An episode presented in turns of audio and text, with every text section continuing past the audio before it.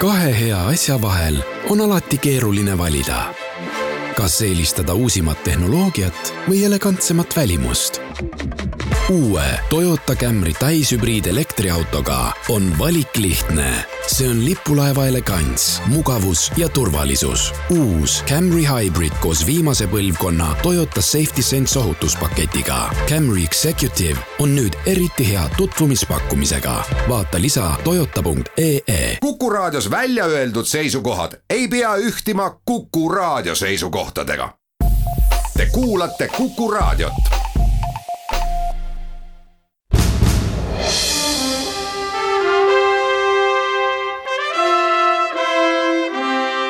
vahetund Postimehega.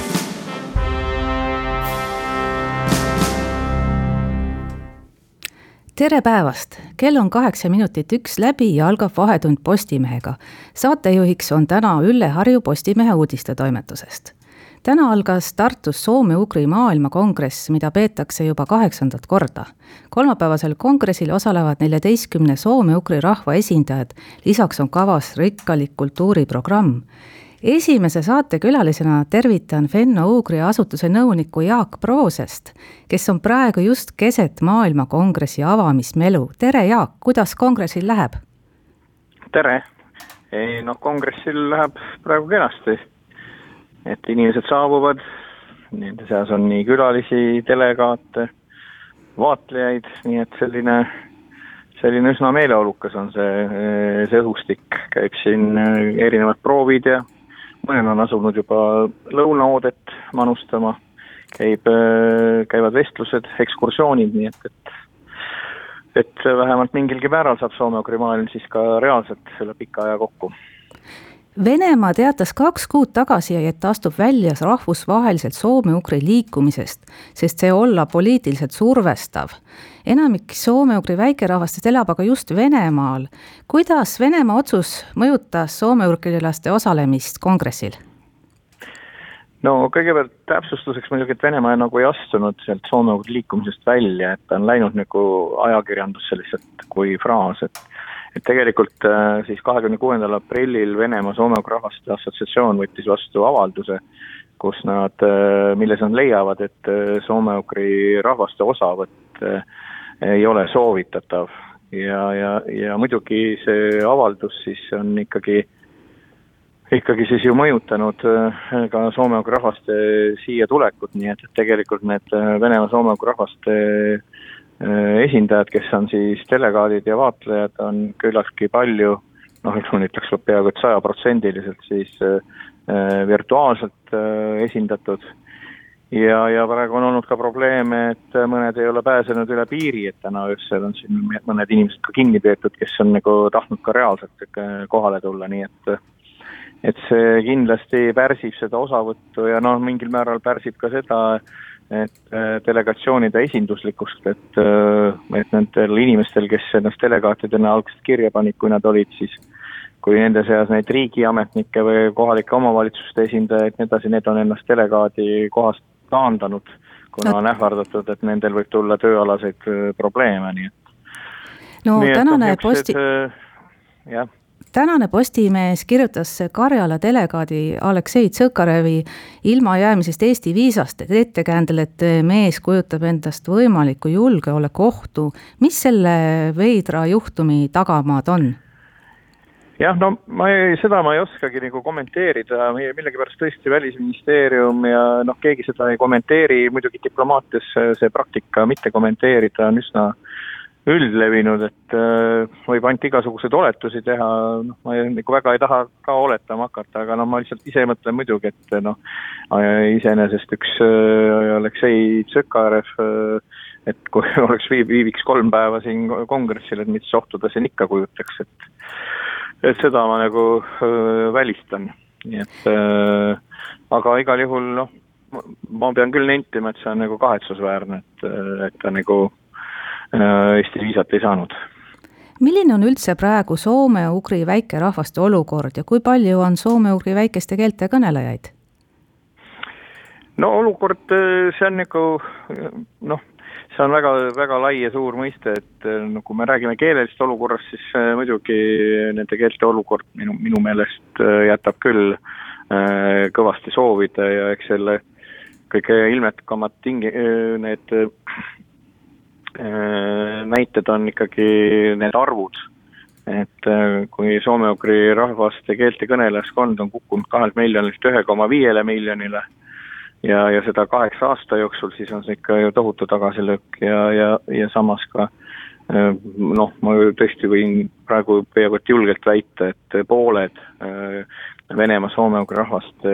esindajatest enam oma, oma emakeelt esimeseks keeleks ei pea, nii et, et siis ütleme siis keeleline olukord on ikka üli, ülimalt halb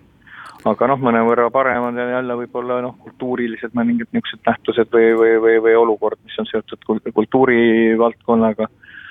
Aga, aga noh, tervikuna ikkagi minu meelest soome-ugri rahvaste nagu olukorda niimoodi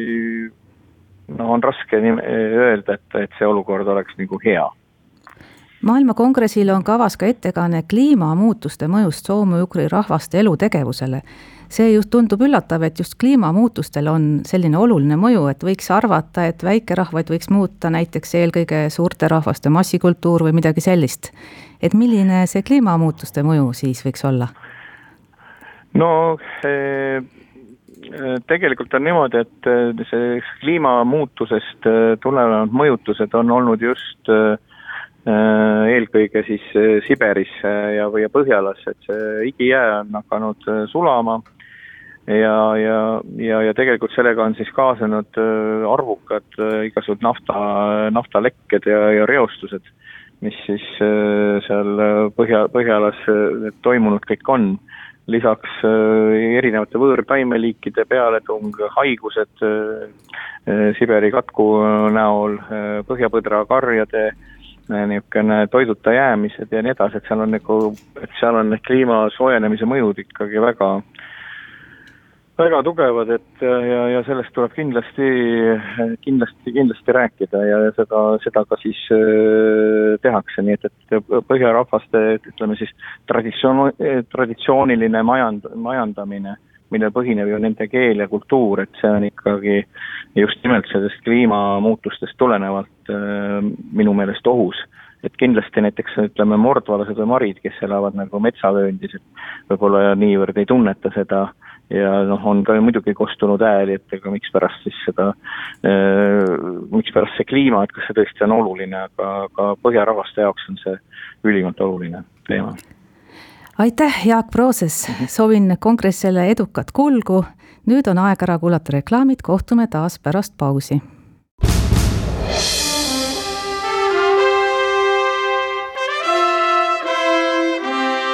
Vahetund Postimehega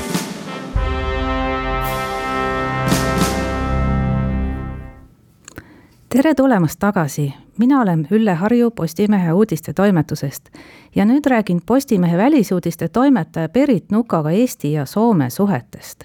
just täna keskpäeval tuli uudis, et järgmisest nädalast taastub siis pendel tööränne Eesti ja Soome vahel.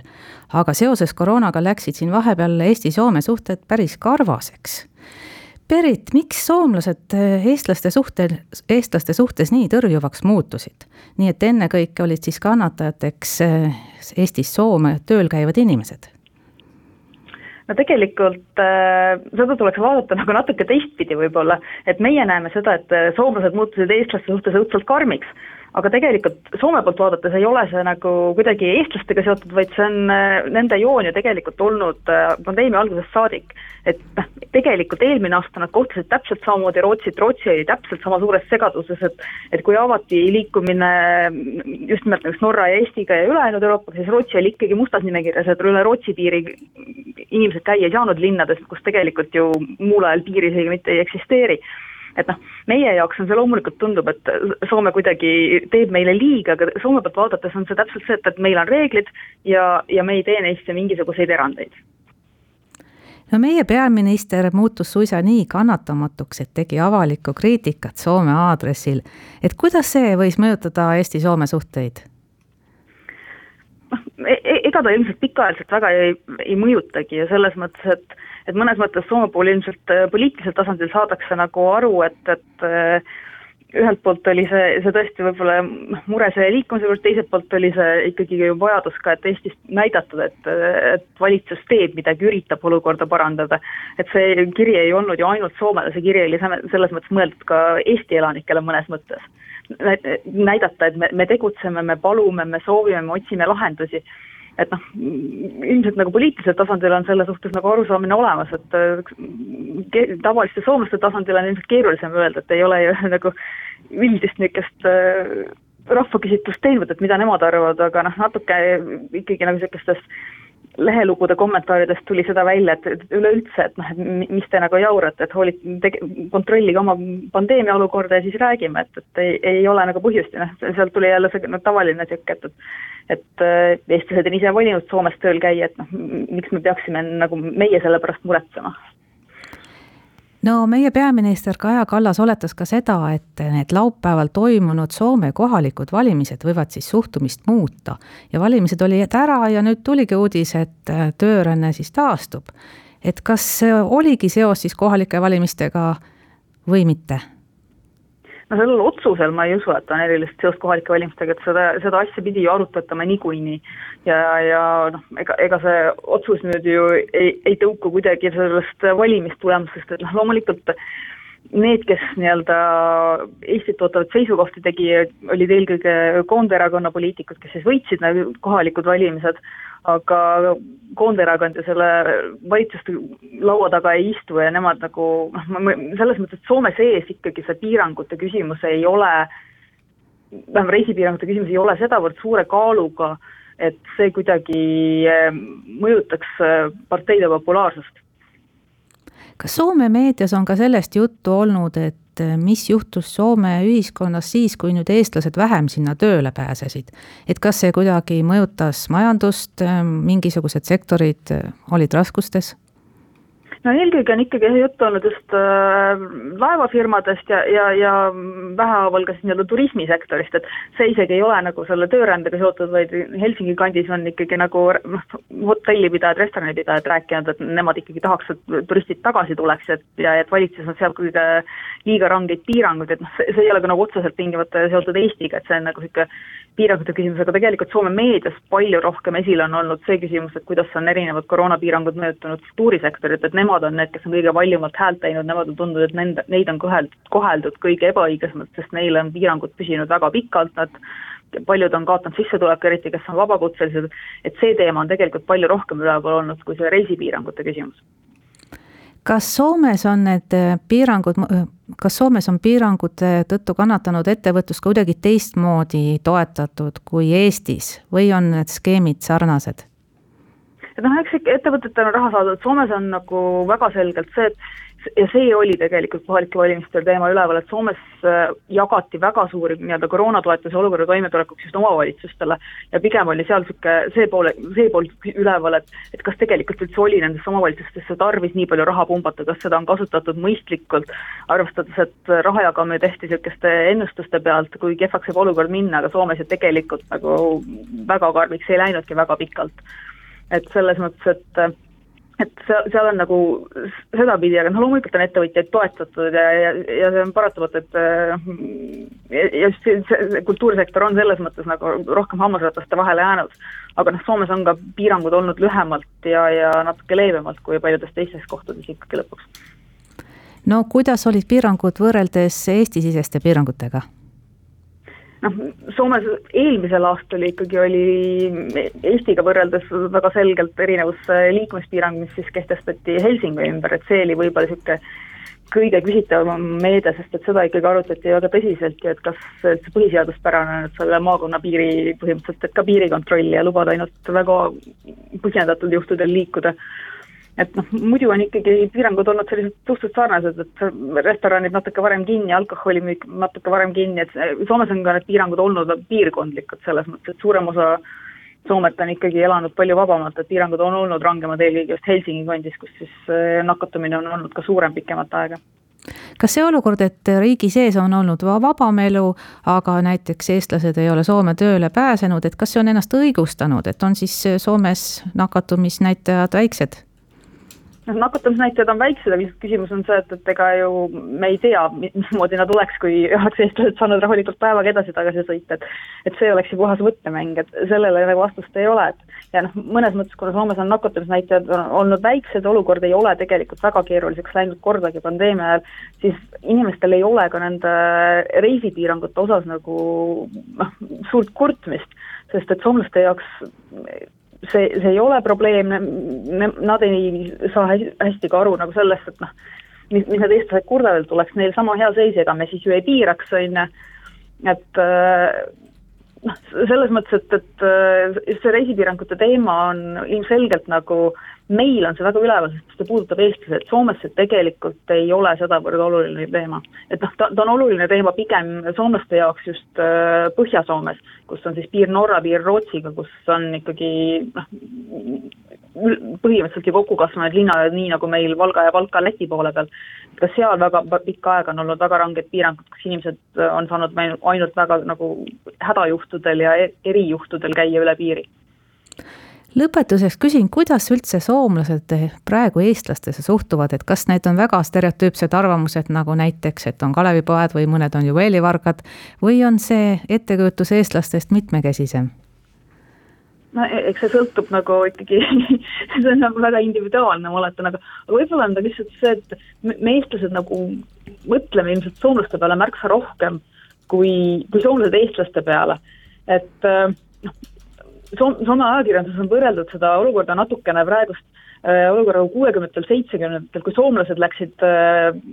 väga paljuski Rootsi tööle ja, ja Soomes oli selline suhtumine, noh tunne kogu aeg, et Rootsi vaatab neile ülevalt alla ja, ja on niisugune suure venna tunne. et, et praegu võrreldakse natuke seda selle olukorraga, et Eesti tunneb ennast umbes nii, nagu Soome tundis ennast siis need mitukümmend aastat tagasi, kui Rootsi pilgu läbi nähtuna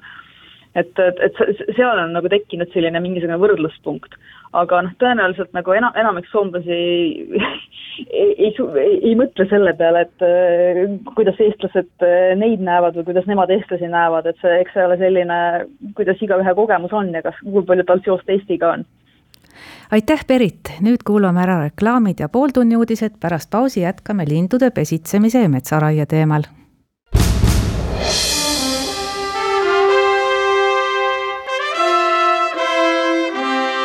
vahetund Postimehega.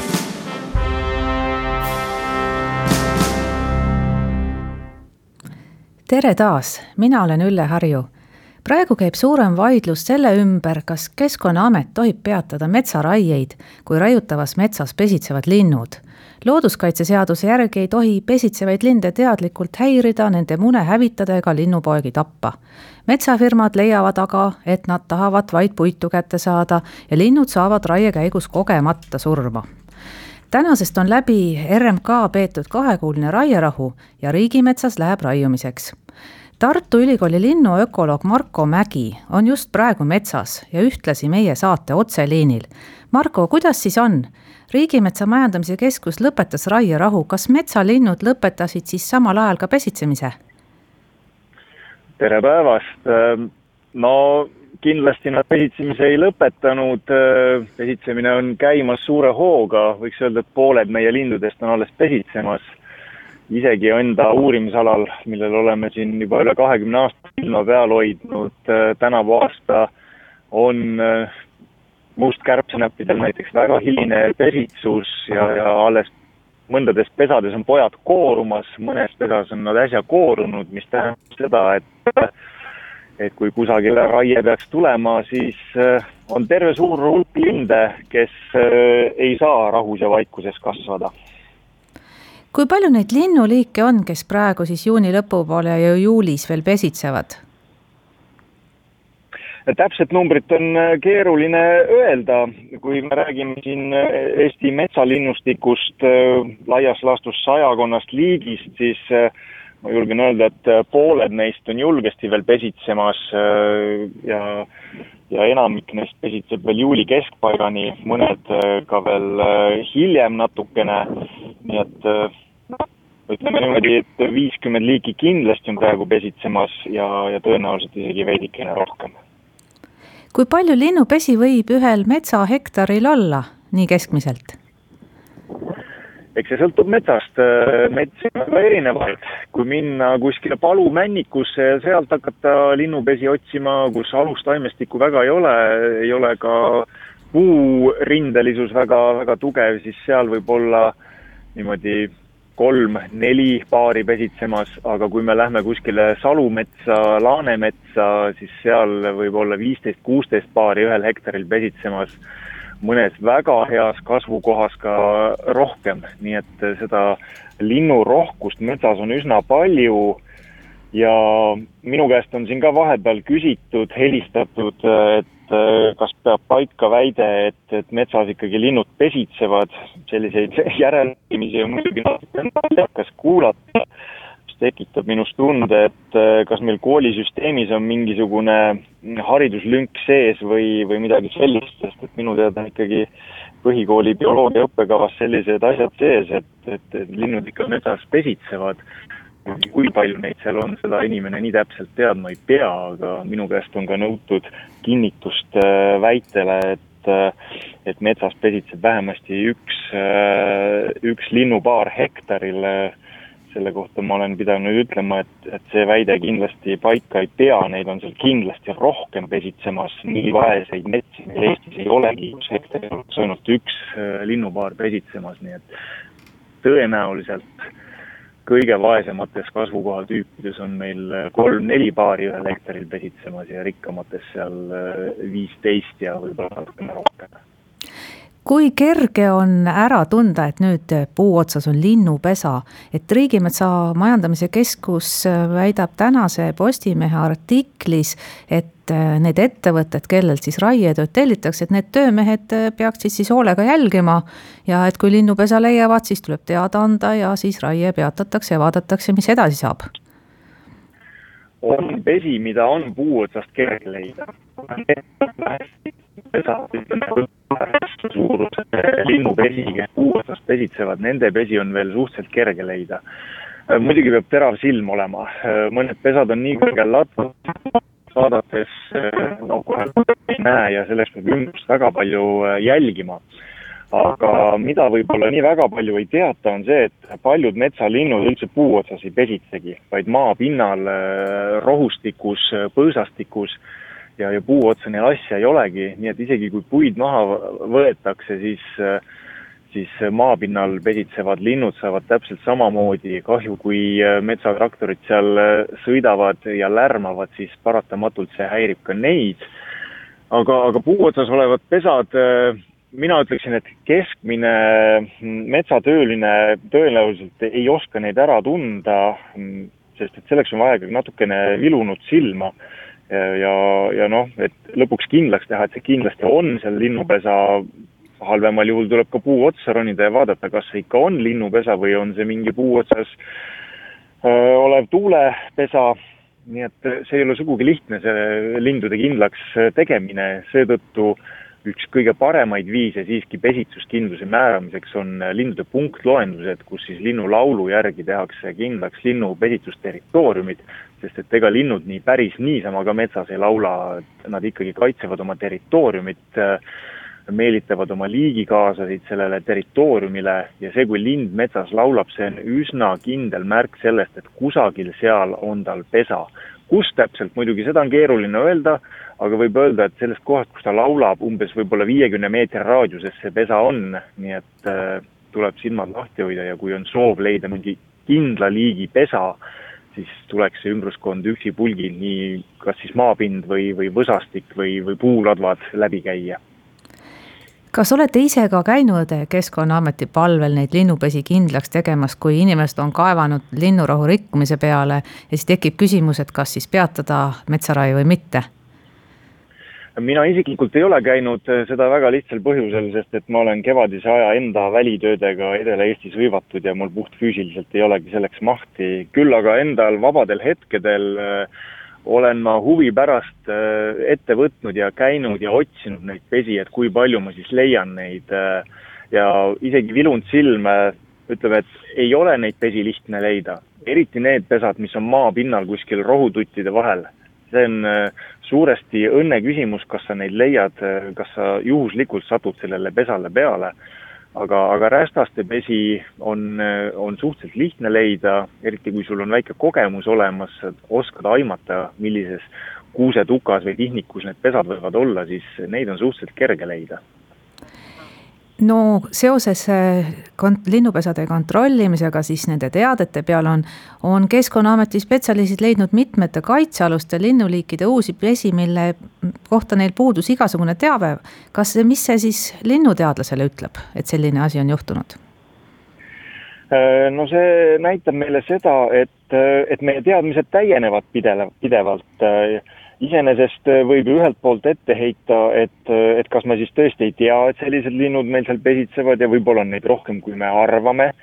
teisalt äh, teadus täieneb päev päevalt, igal, iga, iga päevaga ja ja kui nüüd selgub, et mõnda lindu on meil seni arvatust rohkem, siis võib-olla tuleb hakata üle vaatama nende kaitsekategooriaid aga, aga see muidugi eeldab seda, et meil on ikkagi väga head ja täpsed andmed mõne liigi kohta, kes meil seni on kaitsealune, et neid mesi peaks tulema massiliselt välja. Need üksikud pesad, mis äh, siiamaani on leitud, äh, see, see pigem äh, viitab sellele, et kui siin suvisel ajal raiuda, siis neid linde hukkub meil senisest rohkem, kui me oskame aiva, aimata ja, ja teiselt poolt võib selle peale öelda, et äh, seni need kaitsekategooriad ja meetmed, mis nende lindude kaitseks on ette võetud, võib-olla peaks jälle hoopis rangema pilguga üle vaatama, sest et äh, kui ikkagi tulevad, tuleb välja, et raide käigus neid hävib senisest rohkem, siis, siis mine tea, äh, noh, see, see on muidugi üks argument, mis öelda, et miks ei tohiks suvisel ajal neid metsi raiuda, et kui need linnud saaks rahulikult ära pesitseda, siis, siis me ei peaks neid võib-olla äh, nii kiivalt ka kaitsma kui palju linnupoegi üldse võib kevad-suviste metsaraiete käigus hukka saada senise kogemuse põhjal, te olete ka väikse uuringu teinud selle kohta? Äh, jah, ma koostasin ministeeriumile, see oli vist juba kaks aastat tagasi, ühe väikse aruande kevad-suviste raiete mõjust äh, linnustikule ja ma võtsin seal arvesse need raied, mis on tehtud just äh, erametsades äh, või äh, kevadsuvisel perioodil. Mm, ja, ja minu arvutused näitavad, et et kaks tuhat seitseteist ja kaheksateist me räägime umbes seal võib-olla kaheksakümnest tuhandest linnupojast, kes jäid siis lennuvõimestumata raiete tõttu võib ju alati argumenteerida, et raie ei tähenda alati äh, pesakonna hukkumist, et äkki mõni jääb ellu, aga maailmapraktika siiski näitab, et kui elupaik kui selline hävib, siis, äh, siis ikkagi seal elutsevad liigid, noh, eelkõige räägime siis lindudest, äh, neil pesitsemine ei õnnestu Nad võivad küll hiljem üritada pesitseda, aga, aga on ka lindude puhul äh, teada, et hilisemad pesitsused ei ole niivõrd tulemuslikud kui need esimesed pesitsused, äh, seetõttu peaks just pesitsushooaja alguses kindlasti rahu pidama igasugustes metsades, hiljem äh, võib-olla suve lõpus ei ole need pesitsused nii edukad enam ja, ja noh, siis võiks öelda, et, et võib raiuda küll, aga, aga meie teadmised korduvpesitsuse edukuse kohta pärinevad siiski suhteliselt piiratud arvul liikidel, nii et näiteks kuidas lehelindudel teised kurnad, kolmandad kurnad äh, poegi toodavad, ega me selle kohta väga palju ei tea. No nii, nüüd tuleb meil teha väike reklaam, reklaamipaus ja pärast seda jätkame Marko Mägiga juttu lindudest ja metsaraiest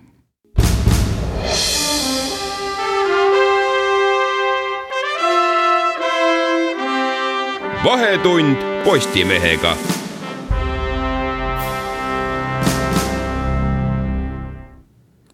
tere taas, jätkame juttu Tartu Ülikooli linnuökoloogi Marko Mägiga sellest, kuidas mõjutavad kevad-suvised raied lindude pesitsemist ja nagu enne juttu oli,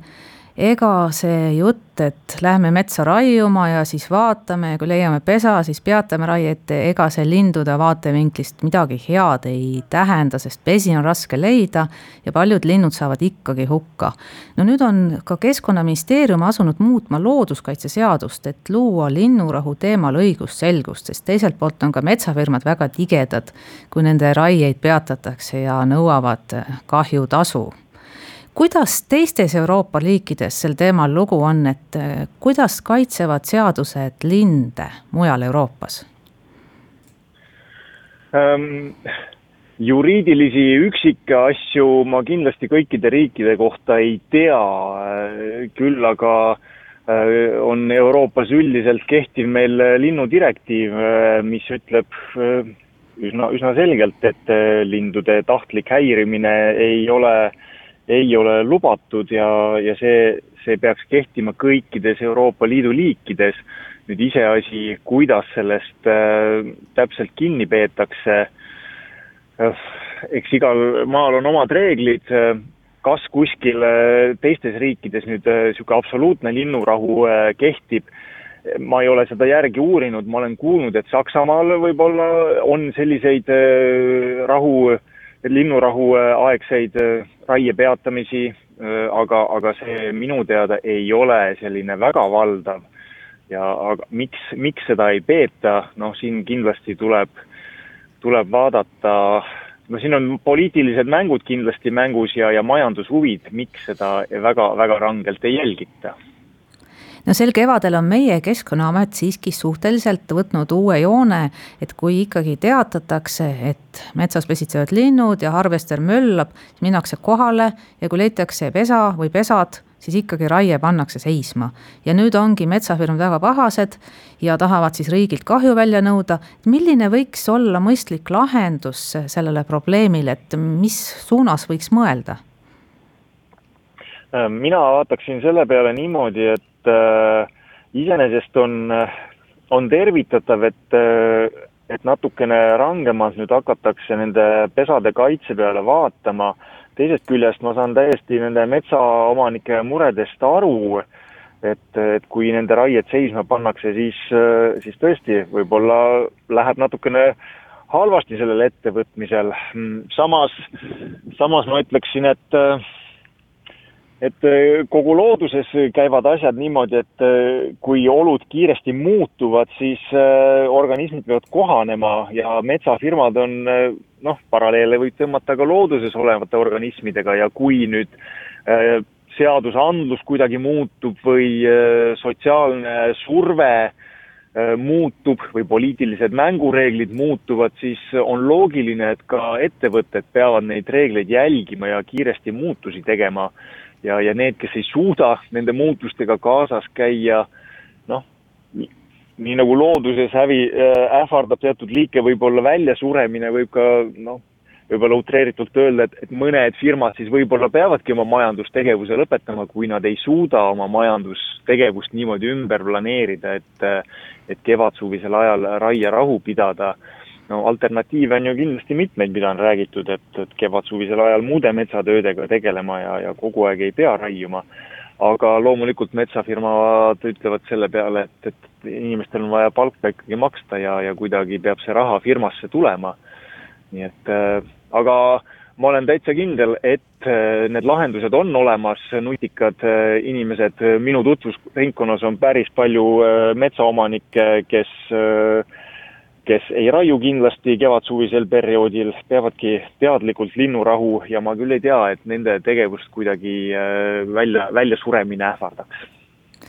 No mitmed raiefirmad heidavad ka ette, et Keskkonnaametil pole ette näidata uuringut selle kohta, et kuidas siis on mõjunud lindude arvukusele riigimetsas kehtiv kahekuuline raierahu, et mida sellise etteheite peale öelda sellise etteheite peale võib öelda, et äh, neil on kindlasti osaliselt õigus, sest et äh, minu teada on ka üle maailma selliseid uuringuid, ma, ma ei tea, et selliseid oleks olemas, aga samas on väga palju uuringuid selle kohta, et kui raie toimub,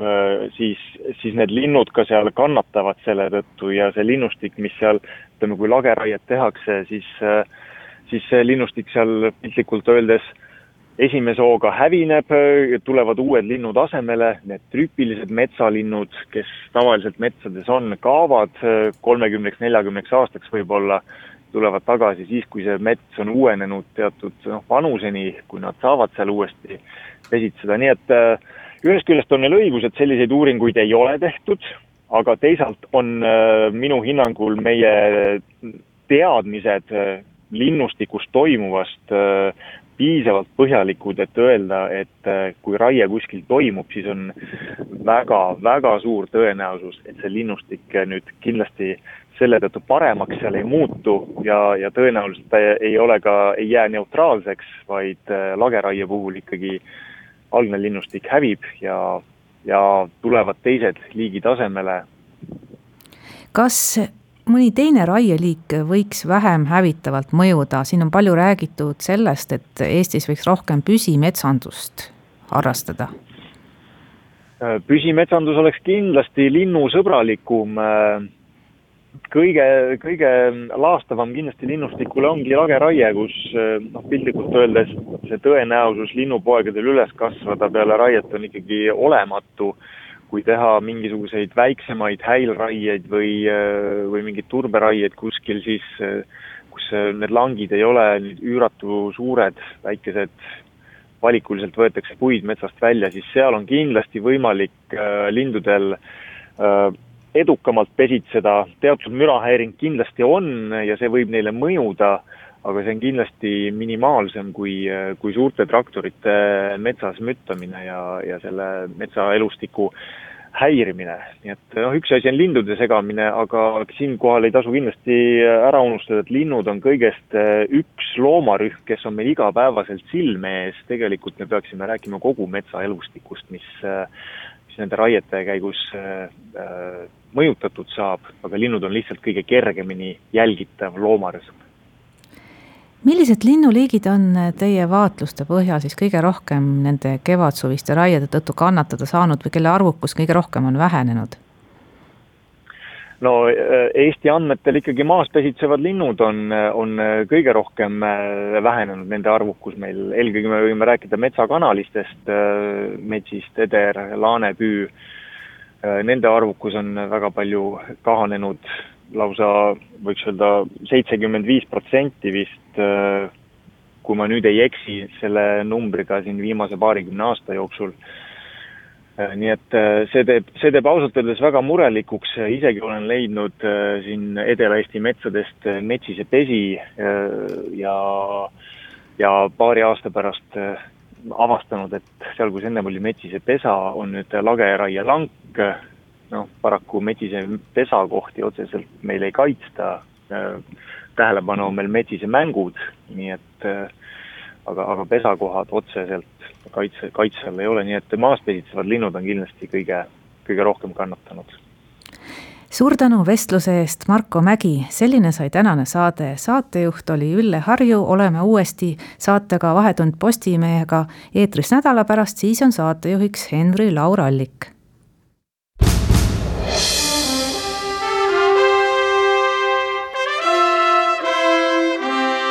vahetund Postimehega